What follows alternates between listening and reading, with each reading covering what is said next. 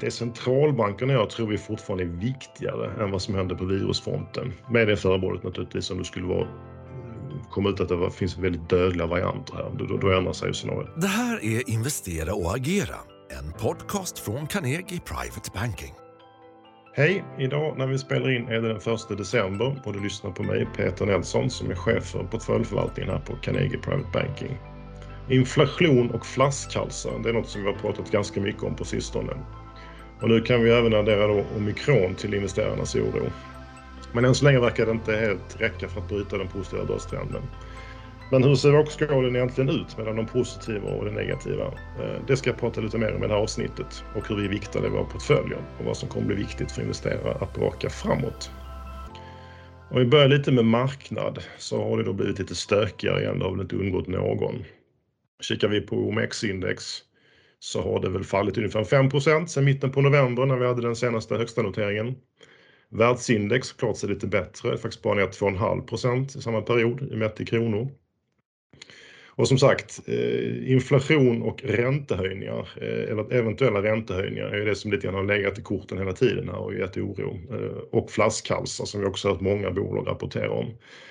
Och det som är lite nytt är då det här med virus, en ny runda Eh, och risken för restriktioner som kommer här.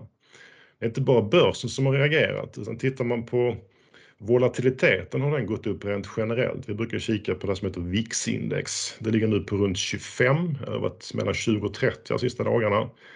Eh, har kommit upp då från nivåer kring 15 där det legat ganska länge.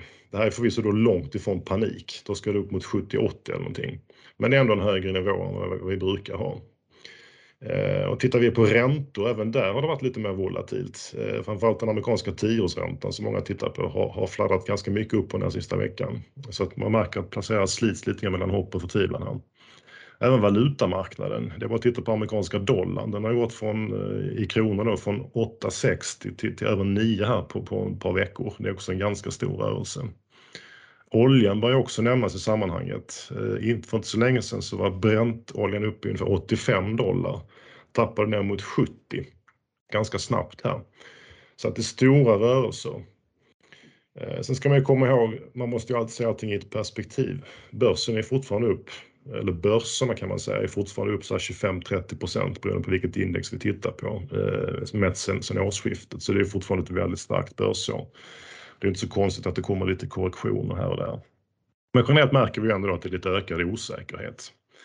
Om vi vänder tillbaka till de här olika parametrarna, eh, inflation till exempel, som vi då har pratat om länge. Det som har hänt här på sistone är väl att fler och fler har insett att, att det här inte riktigt är övergående, åtminstone inte på kort sikt. Till och med den amerikanska centralbanken har nu faktiskt börjat prata om att, att man kanske inte ser att inflationen är då övergående utan lite mer permanent. Och det här kan ju få effekter på, på, på hur man agerar då med, med räntesättningen. Eh, det är väl inte orimligt att tro att lite räntehöjningar kryper närmare här. Och kanske då också rent generellt minskade penningpolitiska stimulanser. Så det här, är, det här är en risk som har funnits ett tag och den finns fortfarande kvar kan man säga. Eh, och flaskhalsarna, det är samma sak där egentligen och det hänger ihop de med viruset såklart. Att, att skulle vi få nya, nya omgångar med, med restriktioner eh, och, och nedstängningar, då, då, då, kan de här flaskhalsarna accentueras än mer. Så att de här, vi kan inte skriva av de här riskerna på något sätt. Eh, utan risken är nog att flaskhalsarna kommer att vara lite mer bestående som ser ut just nu. Eh, och vår syn är väl att Eh, ja, vi får nog leva lite grann med hög inflation här framöver. Eh, det finns en del som talar för det. det är, framförallt i USA är det svårt att få tag i arbetskraft, så som att löner är på väg upp. Det skulle kunna spridas även till andra regioner så småningom. Fortfarande är råvarupriserna ändå relativt höga. Inte minst har vi ju det här med energi nu som är ett hett ämne, eh, inte minst i vårt närområde. Det kan bli en del problem för många bolag att hantera, även för konsumenter, stigande energipriser. Vi tror ändå delvis att att inflationen, delar av den är temporär. Eh, när vi kommer fram mot andra kvartalet då kommer en del av de här årseffekterna att, att klinga av som har med pandemin att göra. Eh, så att det borde bli lägre inflation om några månader men vi är inte riktigt där än. Men den kommer nog ändå vara högre än vad vi varit vana vid de senaste åren. Och allt annat lika betyder det då att räntorna bör komma upp en del. Vi tror dock fortfarande att det kommer ske under ganska kontrollerade former. Men det kan vara så att en, en höjning från den amerikanska centralbanken ändå kryper närmare och det, det, det kan från tid till annan ge lite oro. Då, då.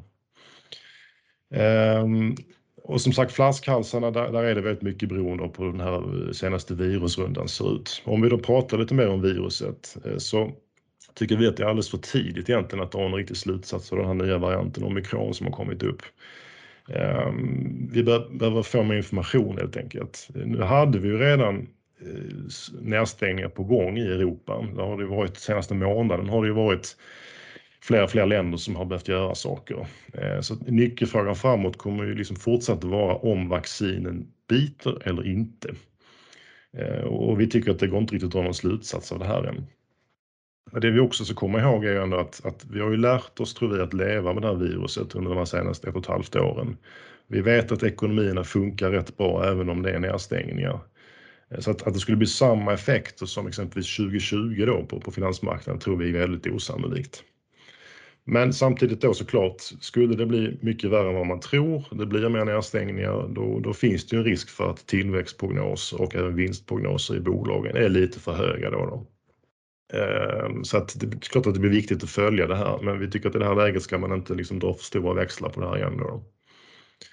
Och sen så eh, å andra sidan då om vi ska ta det som faktiskt någonstans är lite positivt här, det är ju att nu har ju räntorna kommit ner lite grann igen. Eh, och det vet vi att eh, låga räntor är en av de viktigaste drivkrafterna för aktiemarknaden.